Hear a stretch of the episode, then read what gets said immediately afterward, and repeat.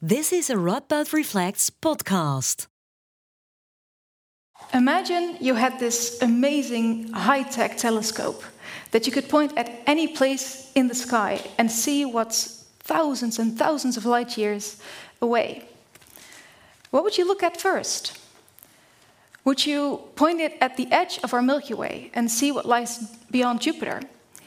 Or would you point it in the other direction and see what's at the center of our galaxy, the thing that we all revolve around? Well, of course, such an amazing telescope doesn't exist.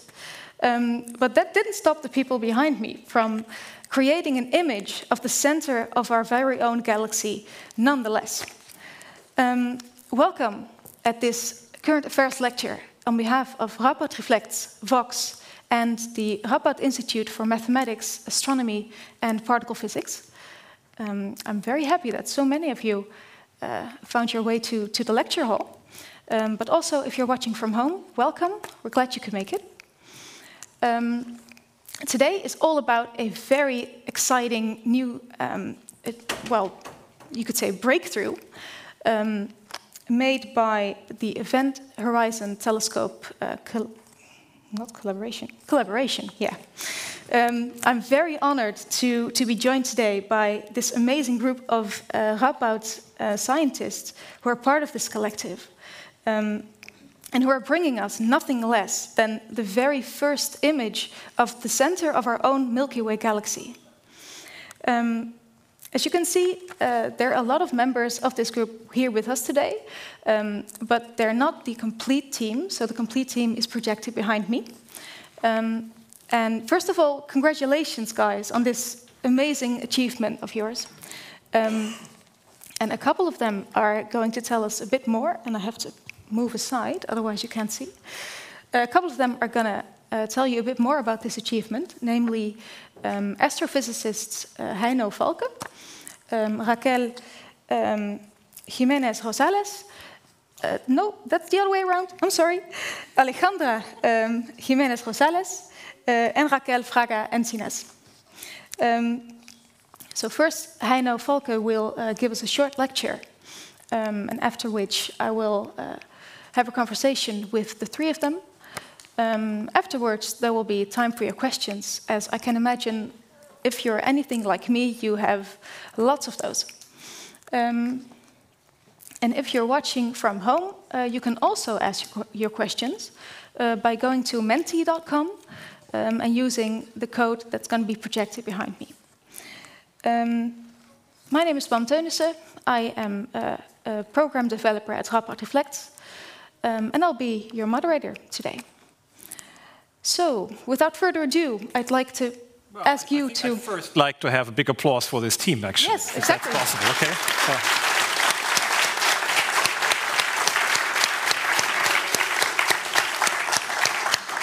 It's the last time they're on stage today, so I think that that was right, the right. moment.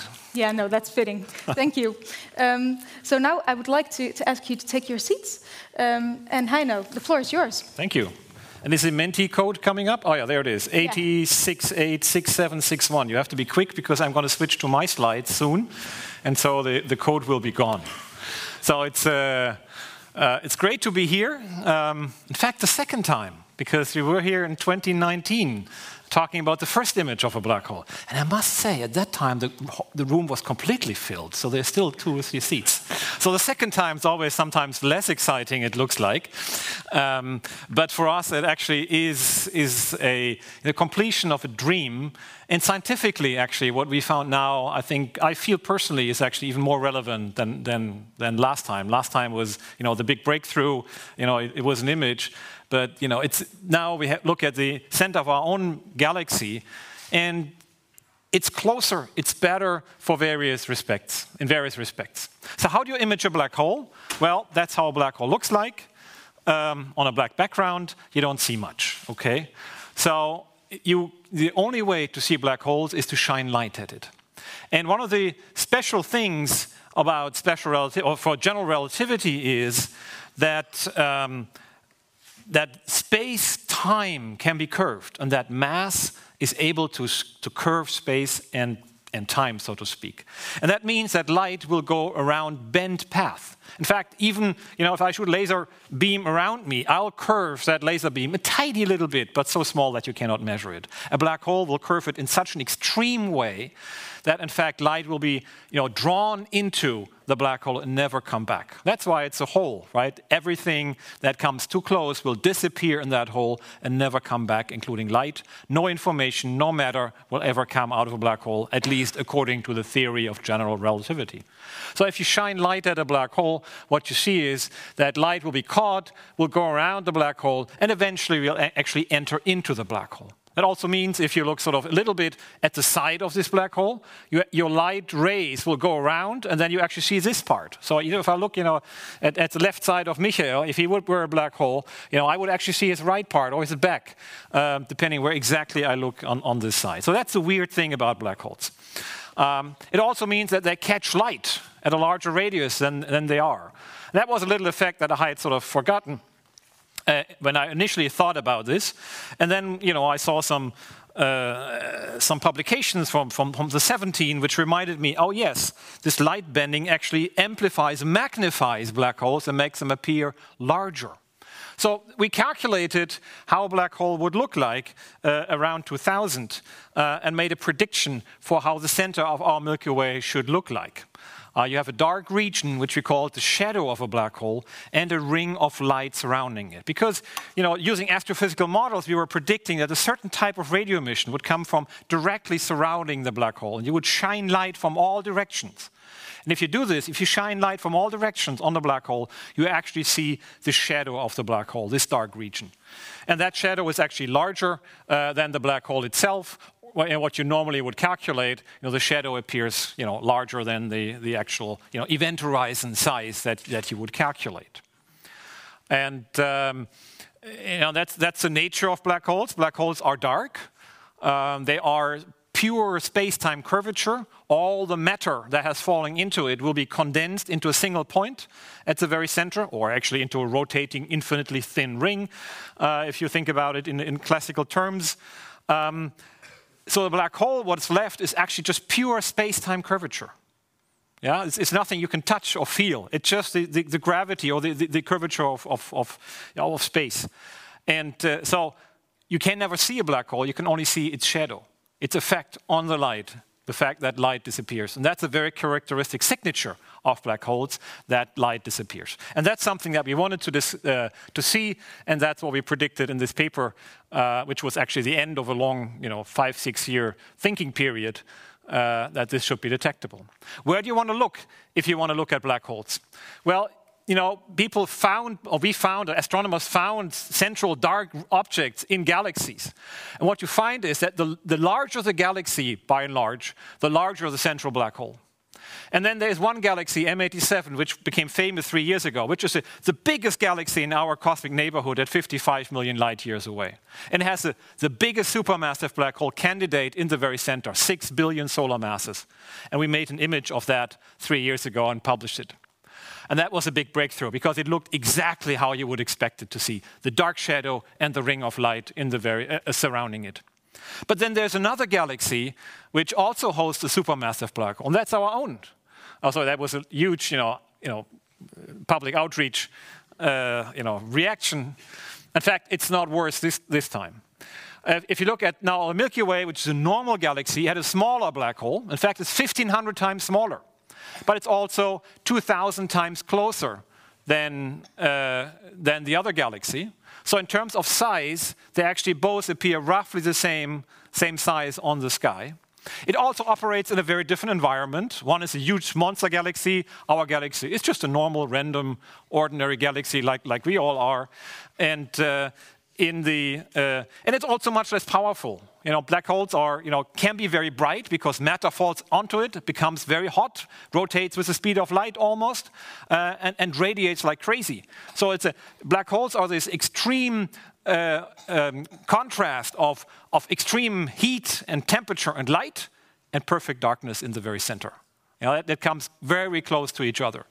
Uh, and that also characterizes black holes. And, and this is also you know, much, much fainter, uh, much less power, 100,000 times less powerful than the other one. So completely different physical, astrophysical regime. But in terms of uh, what general relativity predicts, it should look more or less the same. And that was sort of a clear, clear prediction. Now, why do we know there's a supermassive black hole in the center of the Milky Way? If we zoom into the center here and switching over to near infrared light, then what we see in the very center is a, is a, big concentration of stars, actually millions of stars, where here is just one star, so a high density of stars. And if you follow them over uh, a lifetime of, of, of, of 16 years, then what you see is they move. They actually move around a common center. And uh, in fact, they move on an elliptical orbit. There's one star with 5,000 kilometers per second going around the very center. And, uh, and that says, you know, there has to be a very, very compact dark mass uh, in this region.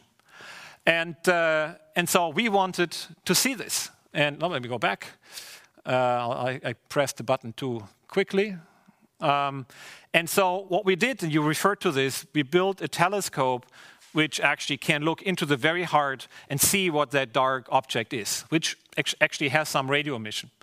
And what we do is we combine radio telescopes over the entire world into one virtual network. It takes the perspectives from all continents to actually combined together to give you the high resolution, in fact, the highest resolution in astrophysics that we have, in order to see the very center. And it goes all the way from Spain to uh, Chile to the South Pole, Arizona, uh, and other places to actually do this.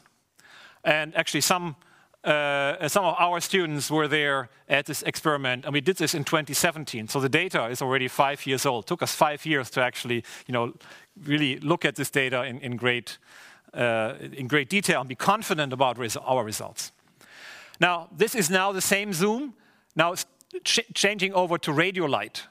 Uh, this is the entire galaxy. It's bright in radio light if you, if you look at it with a radio telescope. We zoom into the very center uh, where you see this region Sagittarius A, um, which marks the central region, which was in fact identified as the center of the Milky Way by Oort uh, in the, after the war, uh, thanks to radio astronomy.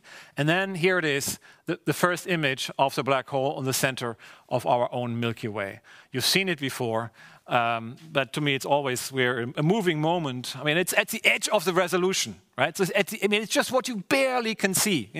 that's, um, but it has this darkness in the center. It has this ring-like structure, and it looks pretty much like the other black hole. And that's that's a characteristic of black holes. Black holes should be boring to some degree. In fact, black holes are the most boring objects in the entire universe. They destroy information. Whatever you throw into them doesn't matter. All, the only thing that counts in the end, how heavy you were at the end, right? How smart whether you're smart or stupid or, happy, or, or, or beautiful or, or, ugly or whatever, you, you, you know, what, whatever man or woman, everything that goes in turns into how heavy you were. Okay? And that's, in a way, frustrating. It's all frustrating to physicists, but that's what GR predicts, okay? And so in the end, everything looks alike, you know? Um, and, and, that's essentially what we see. Um, just briefly, it's a long image processing uh, pipeline that we used. In fact, we can actually make multiple, a multitude of images from the same data. And so we actually made thousands of images from the data uh, with in, uh, data pipelines, checked them against simulations just to make sure uh, that we were doing the right thing. And most of these thousands of images all show this ring structure. In fact, all, all of them. And, uh, and that was the average image that comes out in the end. Um, so that's, uh, uh, that's part of the image processing. And then we were actually simulating. Uh, there were actually, again, millions, millions of simulations of black holes that we did. Um, I'm almost too fast now. Um, and then we looked now which ones do fit to the observations. Now, the size, the shadow you see here, fits everything. But then the shape of this light uh, was taking out a number of these models, and then how they emit was taking out more of them. And then in the end, if you just look at some additional, you know, how, how, how big do they look at lower radio frequencies, there are only two models uh, out of these many, many models that we ran that, that sort of uh, remained. And so and it, it, was surprising to us that we are able to model these days black holes in the computer and accurately reproduce almost all the properties that we see, almost from first principles. So it's like, you know, we almost are able to do a better weather forecast for black holes than for the Earth. And, and the reason for that is we have less data, but also they are, as I said, more boring than the Earth. You know, the Earth is infinitely more exciting than black holes in terms of you know, what uh, uh, different things that can happen there. And so the conclusion is, and that's for the experts, uh, we find that sort of there's matter falling onto the black hole. It's, it's strongly dominated by magnetic fields. Um, it produces an outflow even. There's some stuff flowing out again along the rotation axis. And the weirdest thing is that this entire black hole system points towards us. Okay, it's like the finger of God pointing at us and say, look at me. Right, so that's, uh, that was the biggest surprise. Um, the black hole itself seems to be spinning. That's something that we found. Um, and it's actually a black hole on a starvation diet, something that, you know, a term I, I, coined in, in, the, uh, in, in, my thesis. It, it, only eats roughly one moon every three, three years. Okay, so that's for a black hole, this is almost nothing. Um, um, and then there are predictions of general relativity that we can test. What you see here is the mass of an object, and here's the inferred shadow size that you can measure. Yeah, it, I mean, once you have the mass, as I said, black holes are boring. Uh, mass, you know everything, you know how big the shadow is. And we, that's for the first time we can now measure this. And that's what we measured for this first galaxy M87. This is, you know, if you translate the measurements from gravitational wave measurements, they were like five years ago, uh, it was a big uh, excitement and even Nobel Prize assigned to this for stellar mass black holes here. And if you, you know, you can connect them with, with, with one line, which actually is not a fit, it's a, it's a prediction. But again, through two points, you can always fit a line, as we all know. So now we have a third point, and the third point falls again exactly on this. And so this is such a beautiful confirmation of a theory which over a, a, a range of 100 million in terms of mass, you know, something that is um, and distances. You know, I mean, you, it, it, it hits, right? I've given the example at some point. You throw a dart at a dart, dart disc, right? Uh, but you can also throw darts at, at a disk which is sort of you know, in the center of the solar system, and you still hit. The, disk will be larger. But I mean, you cover all these scales from, from, your, from your basement all the way to the center of the, of the Milky Way in terms of scales. Yeah? And the theory still works. Now, the conclusion what we, we, draw from this is that we've seen the black hole shadow now in two very different galaxies, and we are very certain now these are supermassive, supermassive black holes. I think there is I mean, no reasonable doubt left. I mean, if, if this is a murder trial, the, the, the, the, the, um, uh, the, the, guy or the girl would, be, would be, uh, uh, go to jail. Uh, it's, it's a black hole. Uh, you know, general relativity works over these enormous scales, from small to very large.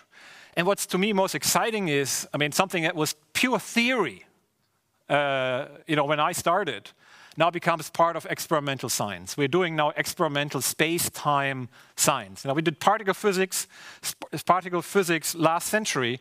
This century we do space-time, uh, space-time physics and particle physics still, but, and astrophysics. But we can study also astrophysics around black holes. You can look literally at the end of space and time. And that is, uh, it's just mind boggling to think about it that this is possible now uh, within a lifetime, within a scientist's lifetime. And, personally, just as a last slide, uh, my biggest uh, success was a, a, tweet with one million views. So it was this one. This was how it started. This was the prediction, how it's going. Um, and um, yeah, so that's, uh, I mean, I'm not, uh, so one million is, is pretty good actually. and maybe last but not least, it's not just this image. Just to be clear, I mean, I brought this with me because Amanda uh, made this as a present for us and the minister, in fact, on, on, on Friday. These are all the publications that came out last Thursday. So it's not just this image in front of it. It's, it's these, I haven't even counted how many pages these are, Uh, of scientific work, of entire collaboration of 300 people checking each other with different methods. I mean, some of these images were done with, with four different methods in, in different softwares and so forth. And, and, and so, you know, beyond the, the beauty and the excitement of the image, it's really very hard science. Thank you.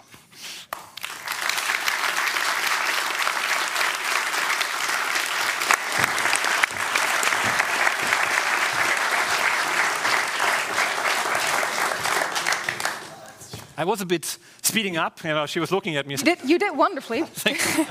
We're exactly on time. Good. So that's good. Thank you. Thank you so much for this. Um, I, I, have so many questions, but I'm sure you also have a lot of questions. So um, let me begin by um, by maybe asking uh, asking maybe you one of you can tell me something about this. Um, so looking at that giant um, stack of papers, um, what would you say is the first thing that um, the first door to further research that this uh, this achievement opens? Um, well, as Heino was mentioning, um, this image is the the it's the end result of many many uh, years of studying and of trying to build this image. Um, Star is a source that we've known for many decades already, and we've studied it at many energies, and we had our suspicions that it was a black hole, right? But now we have this image that shows this very nice uh, bright depression at the center and then the ring. And what is um, amazing about it is that um, it looks very similar to this other giant black hole um, and its image. And so that for us is a confirmation that you know, at these scales, gravity is the force that is acting on it and it's dominating. And even though these are two very different black holes, um, the images look very similar. And so we, are, we can be pretty certain that at the center of the galaxy, we have a black hole. Yeah. So is, is that um, a reason to, to start looking for other black holes in other places as well? Yeah, so there's, um, as uh, the EHT not only looks at these two targets, uh, so these are right now the only ones that we can actually uh, picture, make a photo of the of the black hole shadow. But we also study other sources, 3C, 279. There um, what is called active galactic nuclei. So you can extract a lot of science from them as well.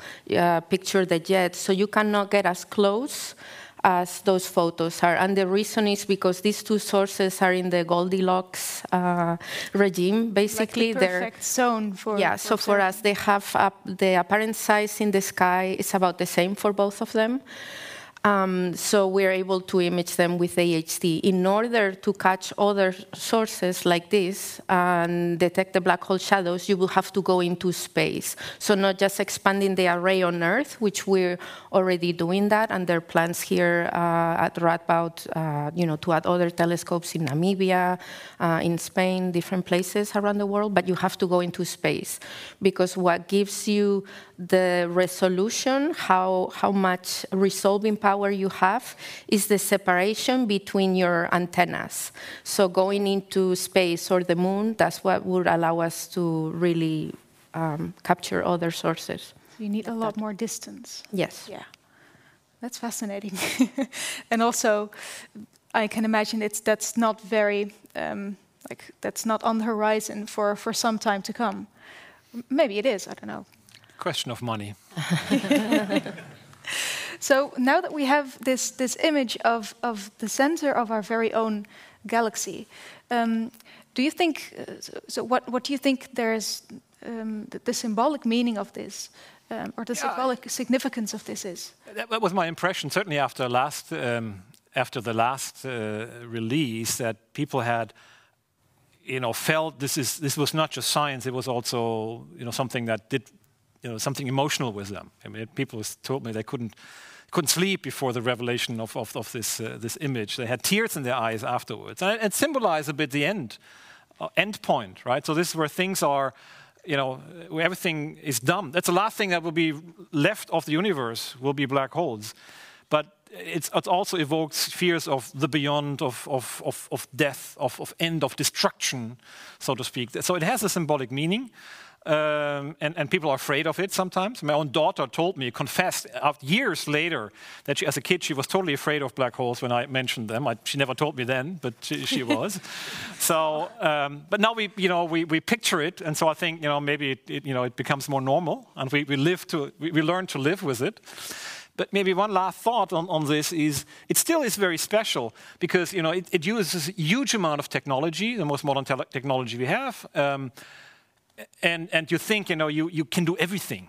but you can't because you know the same picture that shows the grandness of, of, technology shows you also the limitations of it the limitations of physics because we're not able to go with current physics beyond the event horizon we cannot see what's the inside well you could but he couldn't tell us if you if you happen to go inside. So so there is a sort of for physics it's sort of a bit of an endpoint. That's how far you can go. You can go to the beginning of the like the big bang and to the to these black holes beginning and end of space and time. But you know transcending is is right now seems fundamentally impossible through measurements. You can, with, with your thought, you can always can, but with measurements, it seems to be almost impossible. And uh, yeah, so it's both. It's sort of you know a big breakthrough, but also a you know a, a stop sign which says maybe until here, not further. Of course, physicists never care about this and they think further, but um, who knows? Yeah, so would it be fair to say that the the more you you find out about the the the edges of, of what we can measure and what we can observe, the more infinite the knowledge that we don't have becomes about the universe? Yeah, at least we can now quantify and say what we don't know. So, right. and if there's new physics, I mean, it may happen at the edge of black holes, but um, whether we ever be able to to find this new physics is is also a big question. Yeah. Okay. Actually, somebody. Um, there's, there's someone here. Yeah, well, first uh, I would like to um, to do some questions of Menti because lots of them are are com coming in, um, and after that I will I will go to uh, to the lecture hall. Um, so somebody is wondering, and actually that's something I wondered as well. What are those bright spots in the ring, or is that maybe a very complicated thing to to answer? Um, I can I can try. Yeah.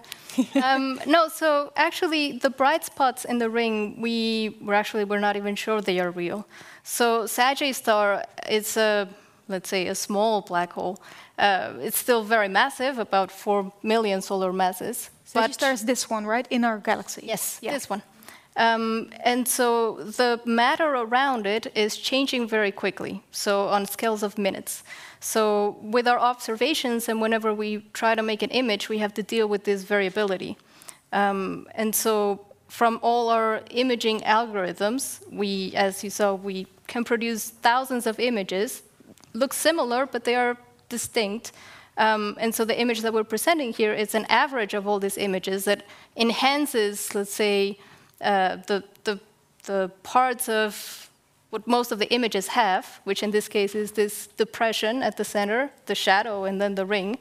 Um, and so this is one of the reasons. Now, our models also um, generate these other uh, bright spots, but we're still, uh, we're still dealing with whether or not these are how it actually is. It's certainly an average. You know, it, it, it's yeah. an average, which means um, in, at, at, any time the black hole will look different. Every 50 minutes, it will look different. Right. And, and somebody else is wondering, um, what is it that made it um, that made it so that you need three more years that make it makes it so much more difficult to capture this black hole that you need three more years to, to capture it?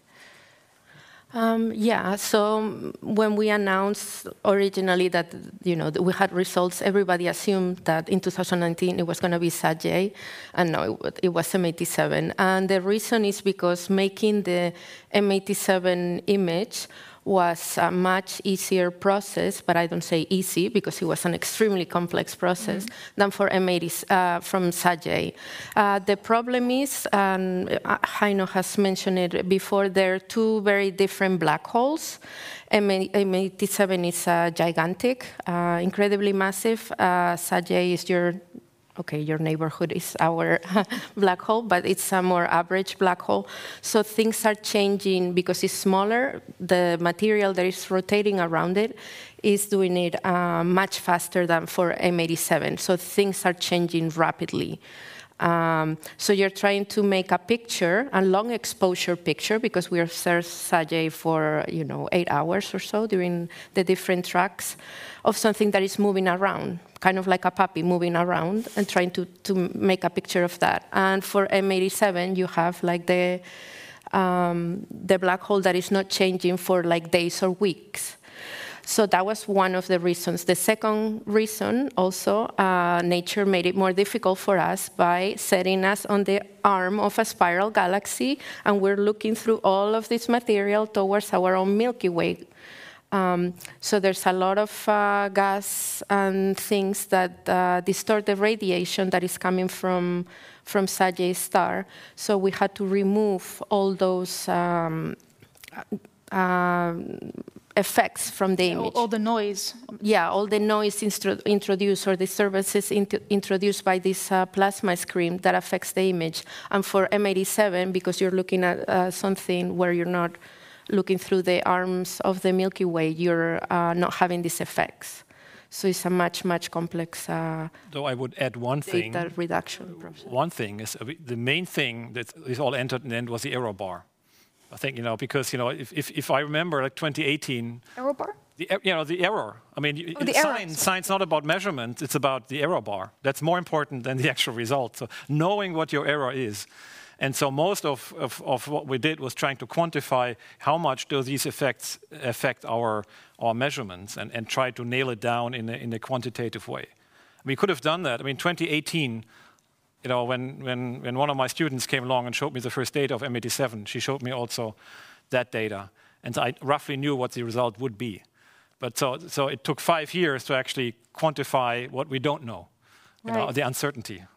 So um, we, we could have done this probably much quicker but then we would not have been so sure about sort of what we don't know. Mm. Also, the process of double checking, triple yes. checking, uh, doing this, uh, so the science is strong and we can stand behind this result. Yeah, that was a long process. Yeah. Okay, that's pretty clear. Um, so first of all, I'd like to thank you all for being here, and uh, also if you have if you have been watching from home, thank you for tuning in. Um, and of course, I'd like to thank you for your contribution and for your for your talk um, and answering all these questions. Uh, and let's again give a big round of applause for this entire team.